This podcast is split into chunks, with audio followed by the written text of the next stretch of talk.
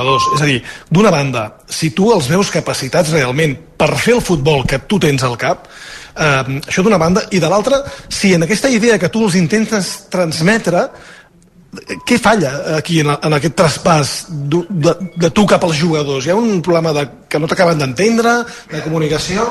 Hoy el partido, si es que no hace falta, no, mm, vamos a ver, si es que da igual eh, que yo te hable de comportamientos y estructuras defensivas. Si hoy no hay estructura defensiva que tratar de nada. Es decir, hoy el partido, y lo trabaja la semana, da igual a qué altura, a qué no altura. Hoy el partido era de resolver con contundencia las acciones que llegaran eh, cerca del área, porque es el equipo que más gana duelos en campo rival y que más posesiones tiene en campo rival. Esto lo hemos trabajado. Lo que pasa es que luego, cuando tú duermes, o no cuerpeas, o no estás dispuesto a ir al límite, 11 tíos para ganar esas acciones y tampoco ganas la segunda porque no tienes atención y concentración, no puedes ganar en este campo. Y esto nos ha pasado a nosotros y nos duele mucho, porque está hablado y visto, pero es así. Las características de ese equipo, este equipo no están hechas para esto. Eh, pues es lo que hay. Es que nosotros tenemos que venir a jugar aquí. Y hoy el Lense, ya no en duelos y en eso, en, en ilusión nos ha ganado. Y esto duele. Y a mí me duele el primero. A los jugadores, me imagino que también. Pero es que no vale el después de. Es que no vale. Es que no vale. Es que ahora nos llevamos todas las críticas que, que, merecemos, porque es verdad que por momentos eh, dices, vas a reaccionar y reaccionas, consigues el 1-2 y parece que ahí puede ser el punto de inflexión, pero ¿qué va? Vas a peor, porque sigues sin ganar duelos, porque sigues sin desequilibrar, por la segunda jugada suelen ser suyas, porque cuerpean y ganan ellos, segunda jugada ganan ellos, en el área peina uno solo en el primer palo y la recibe, otro en el segundo palo sin marca, en el segundo gol exactamente igual, uno se tropeza, la vuelve, el otro... Es, que han rematado sin oposición. Claro, es imposible ganar aquí así. Y lo sabíamos, ¿eh? Lamentablemente pensábamos que eso lo íbamos a entender y lo hemos entendido y hemos perdido. Eh, seguiremos trabajando, esto no nos puede hundir, seguimos ahí, tenemos que lograr estas jornadas encadenar una serie de victorias que nos permitan definitivamente mirar hacia arriba y distanciarnos y coger eh, más confianza de la poga que tenemos cuando jugamos sobre todo fuera de casa.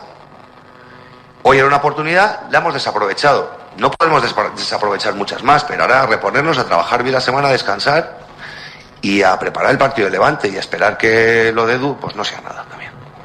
Gracias, Sergi. Hay una pregunta a veure, una pregunta d'un company de, d'Elda. Raúl Belda de la cadena SER eh, da la impresión de que solamente ha jugado un equipo y es el Real Club Deportivo Español porque ah, bueno, no, no lo ha hecho como su entrenador quería. Eh, le quería preguntar por el mérito, más allá de la ilusión que ha tenido el Eldense, ¿qué mérito ha tenido el Club Deportivo Eldense en quedarse con los tres puntos? Mira, el fútbol, aparte de los comportamientos colectivos, eh, es una suma de, de actitudes individuales. Y tú puedes eh, que no hemos hecho, ¿no? Porque tú haces un buen partido y te ganan en dos corners, pues es que no has atendido, no has, no has tenido en cuenta una fase del juego que encima ellos dominan, ¿no? Es verdad. Pero es que además ya no es eso. Es que el, el, que se te vayan las marcas en los corners y te hagan dos goles de corners es consecuencia de que eso durante el juego también ha pasado. Y no hemos sabido llegar y no hemos sido contundentes. El único que ha ganado duelos aéreos hoy ha sido un central solo, ha sido Sergi. Los demás no hemos ganado un duelo.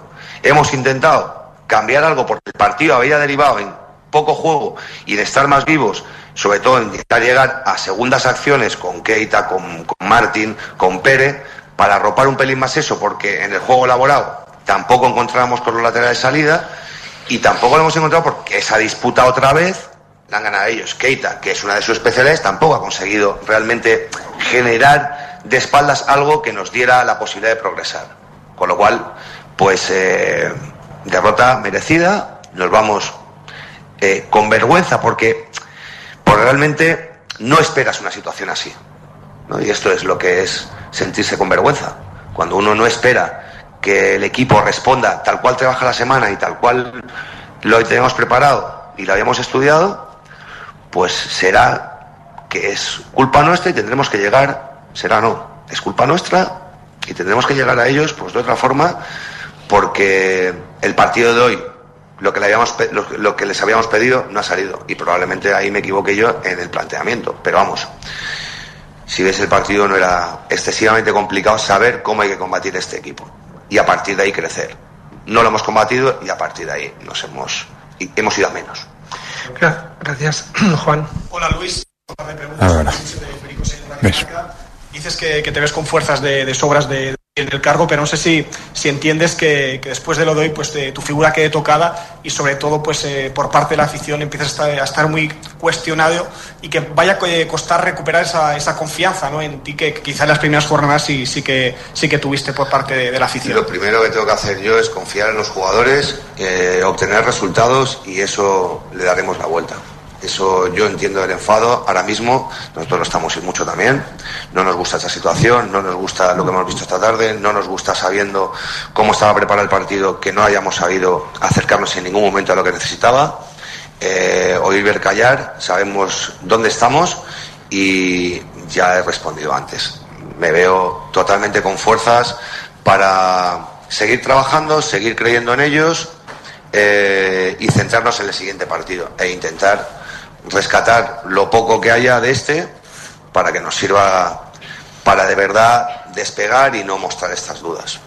Y la segunda, parecía que el, que el plan o el, la táctica del club en este mercado de fichajes era no, no moverse, no, que no llegue ninguna, eh, ningún fichaje, ninguna llegada. ¿Crees que este resultado puede acelerar alguna operación? No lo sé. El club eh, sabe las reuniones o las conversaciones que hemos tenido, sabe cuál es nuestra opinión y a partir de ahí están trabajando en eso. Si eso redunda en algo bien, si no, trabajaremos con lo que tenemos. Gracias, Juan. Queda el último turno de Francesc. Venga, última pregunta. Le quiero hacer una, una pregunta al hilo de, de, los fichajes, la vuelvo, pero antes me gustaría saber, ya que lo ha comentado usted, el estado de expósito, que ha debido ser cambiado, y entiendo que no todavía no tienen claro lo que sucede, ¿no? No. No, ha habido un no me gusta de por medio, pero vamos a esperar a las pruebas. Vamos a esperar a las pruebas y, bueno, esperemos que se quede en un susto, que sea un esguince, es una rodilla y siempre son peligrosas. No te, puedo decir nada más. Y acerca de los fichajes, ¿usted entendería que teniendo en cuenta que faltan un jugadores un poco con el perfil que usted demanda, ese perfil un poco más aguerrido, eh, que le cuesta, que le está costando mucho que estos jugadores también entiendan que tienen que jugar de esta manera para poder ganar duelos en la categoría? ¿No le parece una auténtica irresponsabilidad no hacer ningún fichaje de ese perfil? Mira, no lo sé. El hacer fichajes eh, implica muchas situaciones, no solo que yo los pida, ¿vale? Implica muchas, otras muchas y, ahí nosotros llegamos hasta donde llegamos. ¿eh? Ya está, no, no, es que pida jugadores aguerridos. ¿eh? Lo que es bueno es generar competitividad, porque muchas veces es lo que funciona. Funciona eso eh, sentarlos al lado mío y generar competitividad. Esto es lo que hace espabilar a los jugadores. Y mm, a lo mejor, pues en, en, algún puesto nos está faltando generar más competitividad y, y, no estamos obteniendo el máximo rendimiento de, lo, de los jugadores en algunos puestos. ¿Se va a sentir usted frustrado si no viene nadie al final? No. Tiraré con lo que hay. Cuando vine, yo creo que hay un buen equipo. Eh, a ver si tenemos suerte y no tenemos lesiones y podemos disponer de todos eh, cuanto antes, que siempre va a suceder algo. Y creo que es un equipo capacitado para pelear hasta el final por ascender a Primera División. ¿Con cuánto margen? ¿Con el agua al cuello? Mmm, ¿Con menos agua al cuello? Todos los equipos en los últimos años no han llegado con seis jornadas de antelación a conseguir el ascenso todos han sido muchos en los últimos partidos y algunos otros en los playoffs. No creo que sea diferente. Vamos a pelear por ello y nosotros estamos convencidos que vamos a estar ahí y que vamos a tener nuestras opciones. Pero, obviamente, estas situaciones, bueno, hay que corregirlas, hay que posicionarnos bastante ya, pero vuelven a suceder. Por lo tanto, eh, aunque nos duela, reforzar al equipo, darles confianza, trabajar la semana, pues eso, con sangre y el sábado o el domingo otro partido. Gràcies, Francesc.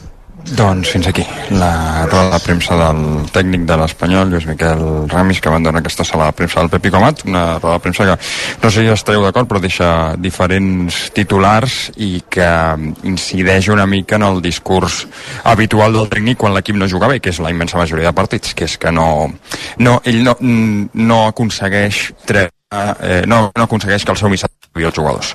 Um, el partit s'havia preparat, però els jugadors no l'han executat bé. Um, no ho sé, és un Ramis una mica a la defensiva, a la roda de premsa, obvi després d'un partit com avui, però admetent que eh, ha passat vergonya en alguns moments, i marxem cap a la zona mixta, aviam quin jugador de l'Espanyol ens té, i aviam si sabem fer-li millors preguntes que Ramis, perquè he vist també que algun company d'Elda no estava del tot satisfet eh, quan Sí, estranyava que totes les preguntes de l'inici de la roda de premsa fossin per l'Espanyol. que aquest company d'Elda tingui a bé passar-me ara una llisteta ràpida de vol paper amb les preguntes que li hem de fer al joc Perfecte. Ara referents li, al, al partit. Ara li preguntes a veure, a veure quina li has de fer sí. jugador de l'Espanyol que surti en zona mixta. Ara us eh, sento i us escolto Solsona i Joan sobre el que ha dit eh, Ramis. Abans, però, deixeu-me actualitzar-nos amb la Marina Arbós. Hola, Marina, bona tarda. Bona tarda. Què ens expliques? Què està passant al món? Doncs el PSOE acusa el PP d'atiar la crispació, mobilitzacions com la que han fet aquest migdia a Madrid per protestar contra l'amnistia. La portaveu dels socialistes, Esther Penya, ha dit des d'un acte preelectoral a Galícia que els d'Alberto Núñez Feijó mai es mobilitzen per reclamar millores per la ciutadania, sinó que sempre ho fan des de l'odi. La derecha nunca sale a la calle para reivindicar un derecho. La derecha nunca sale a la calle para que la sanidad mejore con el estropicio que tienen montado aquí en Galicia. No, no. La derecha sale a la calle y moviliza desde el odio, desde el rencor y desde el agravio para deslegitimar lo que hay y para reclamar el poder. També ha dit que amb actes com el d'avui els populars demostren que no tenen cap problema en fer-se seu l'ideari de Vox i que el PP ja no és el que era. Tot plegat quan queden 48 hores per introduir canvis a la llei d'amnistia que es votarà dimarts al Congrés. A hores d'ara encara continuen les negociacions entre el PSOE i els partits independentistes. Ara bé, des de Junts per Catalunya asseguren que treballaran fins l'últim minut per introduir esmenes i protegir la llei de les ingerències, diuen, del poder judicial. N'ha parlat la presidenta del partit, Laura Borràs, que assegura que després de les informacions sobre l'operació Catalunya és més necessària que mai. Fins al temps de descompte, les esmenes que estan vives, Junts per Catalunya treballarà per defensar-les, per incorporar-les a la llei. I que arran de les uh, informacions aparegudes també aquestes darreres dies i setmanes, encara és més imprescindible que mai. Tot el que hem anat sabent de l'Operació Catalunya en una democràcia consolidada hauria d'haver provocat un terratrèmol d'una dimensió incomparable. La presidenta de Junts ha deixat clar que la llei ha de ser d'abast per a tothom que ha patit repressió i creu que ha de ser d'aplicació immediata. I un últim apunt perquè al Museu del Louvre de París dues activistes ecologistes han ruixat amb sopa la Mona Lisa de Leonardo da Vinci. Com que està protegida per un vidre, aquesta acció de protesta en principi no ha afectat de cap manera el quadre. Les activistes ho han fet per reivindicar el dret a una alimentació, diuen, sostenible. Ara bé, immediatament després d'atacar el vidre, els agents de seguretat del museu les han fet fora de la sala. No és la primera vegada que es produeix una situació situació com aquesta. De fet, l'any 2022 també uns activistes climàtics ja li van llançar un pastís. Gràcies, Marina. Fins ara. Fins ara. Solsona, del que, és, eh, que t'ha no, fet. Estava escoltant això. Era sopa, has dit? Sí. Però sopa. era de galets o... Només, em sembla que no portava pasta. Sembla que hi ha gent per tot, eh? Sí, home. Has anat a veure la Gioconda mai? No, no, he anat a, a, a, quan estava visquent a París... Ah, no vas anar al Louvre, eh? No, discoteca sí, però... no, és broma, no, no, no anava al lloc. No, estava centrat amb el futbol. Exacte, Només amb el futbol. Sí, no, Deixem-ho aquí, que igual estan escoltant. Com, com, com sempre, va quedar clar l'entrevista a Don Balón, que recuperàvem ara fa algunes setmanes. Eh, del que ha dit Rames, que com deia l'Edu, vaja, als jugadors els hi tremolen les orelles perquè l'atac anava directe cap a ells. Hi ha un moment que diu Eh, bueno, quizá me he equivocado en el planteamiento, pero después me di, pero, pero no, porque estaba muy claro lo que teníamos eh, que hacer. Per tant, que el jugador aquí eh, no hemos ganado duelos ni segundas jugadas, a falta de intensidad, se defiende con sangre y nosotros no lo hemos hecho. Que, sí, no, no, eh, i que ho venen treballant tota la setmana. Eh, és, és, és algun discurs que eh, ja venim escoltant eh, en bastants partits. Però eh, és veritat, no, no, no arriba a tocar la tecla i aquest discurs ja és repetitiu. Per què? Perquè com que l'equip no està jugant bé, doncs cada vegada que eh, ha de fer la roda de premsa postpartit, doncs ha de dir més o menys les mateixes coses. Sí, que sabien que l'equip de l'Aldenc doncs, és un equip eh, físic, que treballa bé, que el joc aeri, tot això. I és veritat que hi ha hagut accions que sí que són imputables als jugadors, o sigui, les marques a, a, a pilota aturada amb els corners, doncs sí que quan un la pentina, l'altre han d'estar atents, i aquí això no, no dona, no ha donat per més. Després en el joc no incideix tant, incideix més el que s'ha d'anar al límit, que s'ha de eh, un, eh, trencar la ceia si, si cal per, per lluitar segons quines pilotes, però la realitat de tot això és que si ho treballen i ho explica, segurament els jugadors no ho entenen, perquè si no, no, no hi ha manera, no hi ha manera de que els jugadors al terreny de joc eh, els vegis eh, amb, un, amb un tarannà diferent a lo que l'entrenador vol i proposa. Potser no té els elements, potser no té els elements, però aleshores ha de ser l'entrenador que diu si no tinc els elements i porto 10 partits, perquè no és que em porti 3, ni 4, ni 5, si em porto 10 i amb aquests jugadors que en principi tots sabem ara que són uh, l'equip titular, doncs no li estic traient el rendiment que jo espero, doncs potser has de fer canvis amb les teves idees. Escolta, si no has de posar Aguado per posar un nom, doncs no el posis, que en posi un altre, de les característiques que ell cregui que li pot treure més rendiment a lo que demana el terreny de joc. Però, amb tot això, no val, perquè a l'equip no guanya, a l'equip encaixa gols, a l'equip no genera eh, ocasions, eh, a l'equip no genera al mig del camp, a la, avui a la segona part m'ha sigut una de les pitjors, i mira que n'hem jugat, de les pitjors, no hem arribat ni a porteria, i estàs només a expenses de que si hi ha una jugada aïllada, alguna jugada dins de l'àrea, que Braithwaite està més llest que els defensors, o una errada individual de l'equip contrari, doncs puguis marcar i, i, i empatar el partit o inclús guanyar-lo. Però les sensacions són, són bastant dolentes i, i o es posa les piles l'entrenador perquè l'equip guanyi o al final eh, al final eh, hi haurà algun, algun, algun desgavell que eh, ningú espera, ningú voldria, perquè significaria que l'Espanyol va bé, però no anem bé. No anem bé. Joan, per anar tancant. Bé, no, no sorprèn i en el moment que no sorprèn la situació en la que està l'Espanyol i que pot caure en un pou encara més profund. Bé, tallaré, Joan, que ens demana pas l'Edu, un protagonista a la zona mixta. Edu. Sí, bé, està parlant Sergi Gómez. Bueno, ens han, ens han parat per sobre i, i s'ha fet autocrítica màxima i, i sobretot eh, assumir que, que així no podem aconseguir objectiu. Diu l'entrenador que no us ha ficat al cap que de vegades per aconseguir o per defensar aquests jugades com aquesta doncs eh, cal deixar-se fins i tot eh, doncs, la sang, és a dir, que ha faltat potser una mica d'empenta. De, Sí, al final eh, ja sabíem quin perfil de partit teníem, quin rival teníem davant i, i estava clar que no es venia a jugar maco ni vistós, es venia a competir, era la guerra i no s'ha pogut eh, utilitzar les armes per, per, per superar-los i, i s'ha de ser clar i contundent que, que no m'ha estat, que no m'ha estat i que ens han superat. En, què, en, en què us eh, baseu, Sergi, per tenir confiança de que la situació revertirà? A banda de la feina, evidentment, que feu cada dia. No, bueno, en, som conscients de que, de que amb treball i, dedicació eh, qualsevol esport se pot donar la volta.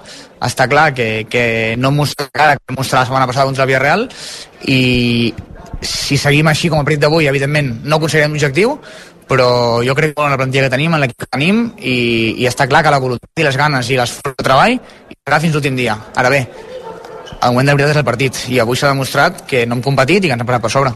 Sergi, ha baixat l'actitud de, que ara comentàvem, el joc. Uh, arribeu, bueno, avui i alguns partits també, s'arriba molt poc, sobretot la segona part, uh, pocs xius entre els tres pals, és a dir, què li passa a aquest espanyol des d'un punt de vista de creació de joc? Bueno, eh, sabem que els rivals també saben jugar les seves cartes eh, i tenim que tenir la tranquil·litat i la paciència i el control en aquestes parts de partit eh, per poder dominar el rival. El que no pot ser, com dius tu, que en, que en fases finals de partit doncs perdem aquest control i és un tema de personalitat, de voler la pilota i evidentment doncs, de seguir un patró i un plan que entrem durant la setmana. El míster us trasllada eh, a això que tu ara estaves dient, és a dir, el, míster, eh, és, quina és la idea de joc que ell vol de vosaltres? Bueno, doncs jo crec que la que hem mostrat la majoria de vegades que hem jugat, no? Al final sabem de la situació que estem, que estem visquent, no és fàcil, i, i, i en aquesta situació és quan s'ha de fer un pas endavant i, i voler fer més que mai el pla que, que, que hem entrenat, no? tot i que entenc i respecto que a vegades eh, no és fàcil. El futbol, en certa manera, no és per comparar dues etapes, eh, perquè evidentment eh, doncs són ben diferents, però el futbol s'ha simplificat potser una mica massa, no? O sigui, l'Espanyol elaborava molt més abans, arribava molt més a l'àrea, potser doncs rebia gols, és veritat, però com a mínim creava molt més futbol. Què ha passat? Bueno, està clar que, que són dos conceptes de joc totalment diferents i des del primer dia ja es va veure, però això no implica no jugar i, i jo crec que amb aquest nou model de joc en moltes fases de partits hem volgut jugar i hem anat a jugar i ho hem fet molt bé, llavors no, no és excusa ni és parlar de canvi dràstic, sinó simplement de, de que s'ha d'estar quan toca estar i partits com el d'avui ja juguis més o menys, és un partit de competir, és un partit de lo que dius tu. Si hi ha sang, hi ha d'haver-hi sang, llavors no, no hi ha hagut sang. Però, però Sergi, què se li diu a la gent que mirant les estadístiques eh, heu guanyat menys punts, menys partits, eh, encaixeu més gols i en feu menys? Què se li diu a la gent que també pensa que en les, en, pel que fa a les sensacions heu anat enrere amb el canvi d'entrenador? Bueno, jo no, no, no parlaria així. Al final potser les estadístiques ho diuen, però eh, el futbol es dona com es dona, cada partit és una història i, i si avui haguéssim guanyat perdríem d'una altra cosa, llavors eh, crec que no, no hem de ser avantatgistes en aquesta situació i ja et dic, només queda per davant el treball, l'entrega màxima de cadascú i, i la il·lusió encara ens manté per, per aconseguir l'objectiu. Gràcies. Gràcies, Sergi. Doncs les paraules de Sergi Gómez, jugador de l'Espanyol, amb que serà l'únic que tindrà aquí a la zona mixta. I no, a veure, deixeu-me dir una cosa, que és que eh, ja arriba un moment en què... I, i, eh, primer, Sergi Gómez és el futbolista que dona la cara a la zona mixta, només eh, fora dels mitjans del club només en parla un per partit, és el futbolista que més dona la cara de llarg quan l'equip eh, té un mal resultat, una derrota o un mal resultat. Um, i en canvi quan es guanya gairebé mai surt Sergi Gómez. Això per mi eh, és, diu molt d'ell. A partir d'aquí jo no sé si estareu d'acord però és que, és que ja, un ja no sap què preguntar perquè és que no, no jo crec que els futbolistes estan lligats de peus i mans i evidentment Sergi Gómez ara no pot dir moltes de les coses que, deu, eh, que es deuen sentir al vestidor però és que tampoc tampoc són capaços els jugadors de calmar-nos i de donar-nos alguna explicació, vaja, és el que jo penso. Sí, és molt difícil. Quan li ha preguntat per eh, el pla de Ramis, la resposta no, no convenç molt a l'aficionat, realment, perquè dona toms i no sí, sí. acaba dient absolutament res al, al central de l'Espanyol. Aquí, com diu l'Edu, agraïm que sempre dona la cara en els moments, eh, que és eh, la veu pràcticament d'aquest eh, vestidor. Mira, per una tema que demana passa l'agut amb eh, protagonista de la zona mixta de Balaïdos, podem escoltar Arnau, com, com ha sigut aquesta, aquests tres dies després de la derrota a Mallorca? Bueno, recapacitar, eh, veure les coses que hem fet malament a Mallorca i, i al final també pues, eh, pensar nosaltres mateixos l'actitud que, que vam sortir a Mallorca i, i canviar-ho. Jo crec que avui hem donat un pas endavant després del partit de Mallorca i jo crec que hem fet un molt bon partit, la gent estava enxufada des del primer moment i això ens ha servit per, per aconseguir la victòria. Et feia falta tu, Arnau, un partit així, tenint en compte la temporada que estàs vivint, que no és tan fluida a nivell de minuts com la passada? Tu, et calia un partit de dir, hosti, quin senyor partit he fet?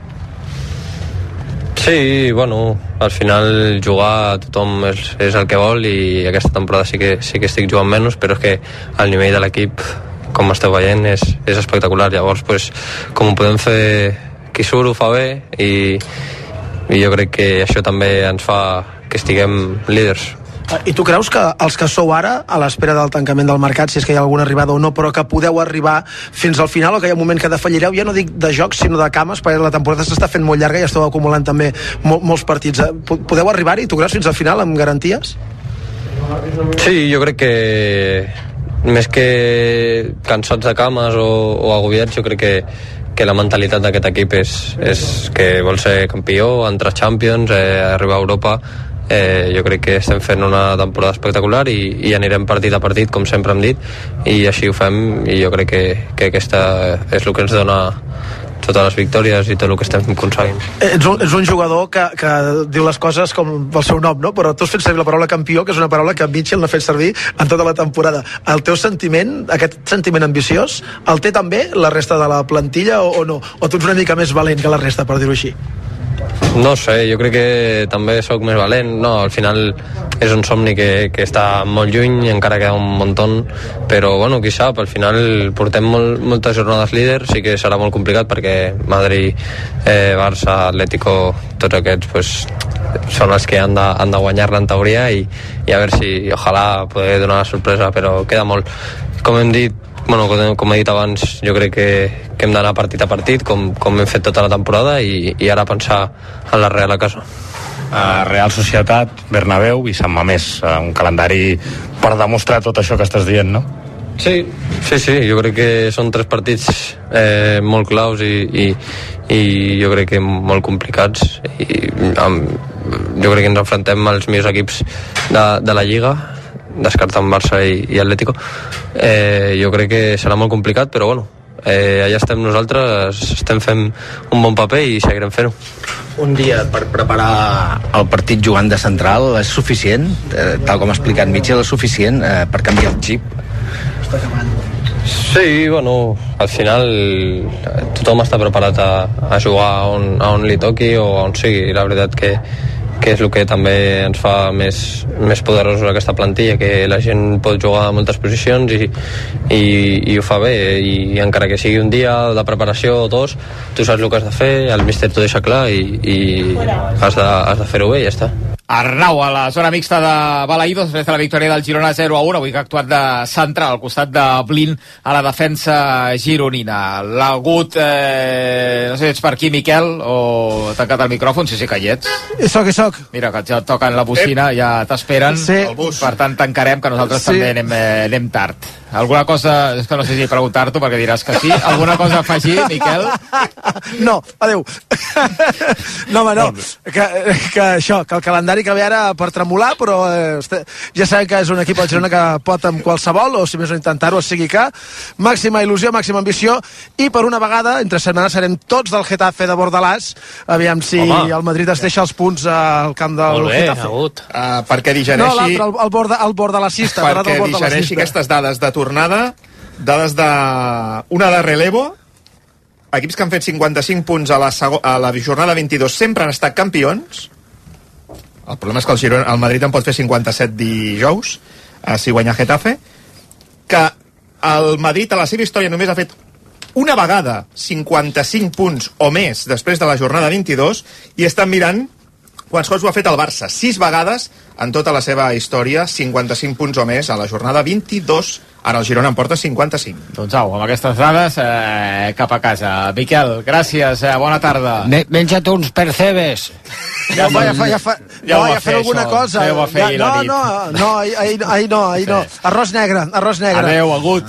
Adéu, Gelidencs. Adéu. Adéu. Dos minuts i les eh, cinc. Ho vols rematar d'alguna manera, Joan, que t'he deixat a mitges abans? Sí, no, el que anava a dir, que el pitjor de tot és que ja, ja hem acceptat que, que la situació de l'Espanyol és la que és i que pot caure encara més. Jo crec que aquesta és la primera gran derrota, no? El, el, el ser conscients entre, entre tots que, que l'Espanyol encara pot anar pitjor i és que és una realitat. No dic que aquest club està mort, però està a punt de morir si segueix així, amb aquests dirigents, prenent aquestes decisions. Abans s'equivocaven a primera divisió i ara continuen equivocant-se, però segona. Hi ha una gran diferència amb la categoria i, evidentment, ara mateix jo diria que aquest club, si segueix fent així de malament les coses, està més a prop de ser un Saragossa i passar-se molts anys a segona que no pas tornar a primera i consolidar-se. Abans que marxeu, us convido unes top corn crispetes de frit ràbic que vinga, combinen bé amb aquests gelidencs eh, sí. Solsona. Tenim de dolces, salades i dolces Aquesta. a la vegada. Aquesta de dolça, segurament, avui, per Sí. combinar amb els eh, gelidencs. Eh, eh, re recupereu i sí, sí. conserveu els bons costums, un d'ells compartir aperitius de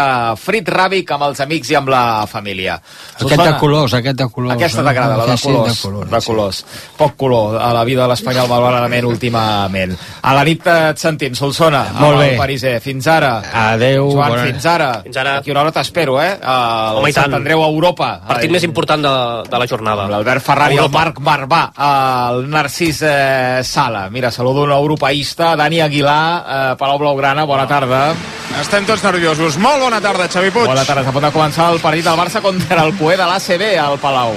47 segons i arrencarà aquest partit de la 23a jornada, de la 20a jornada perdó, de l'ACB. Arriba el Cué, per cert, amb moltíssima gent visitant, amb moltíssims aficionats que tanyeixen part de la de moment poc nutrida eh, localitats del Palau Blaugrana de Lila perquè realment, vaja, és una festa major per ells aquest ascens. Recordem que la primera vegada que van ascendir no van poder per motius administratius, és la primera temporada de la història del Palència. Les últimes jornades amb els canvis a la banqueta, Luis Gil ha donat una nova empenta a aquest equip que du tan sols tres victòries però que assumia perquè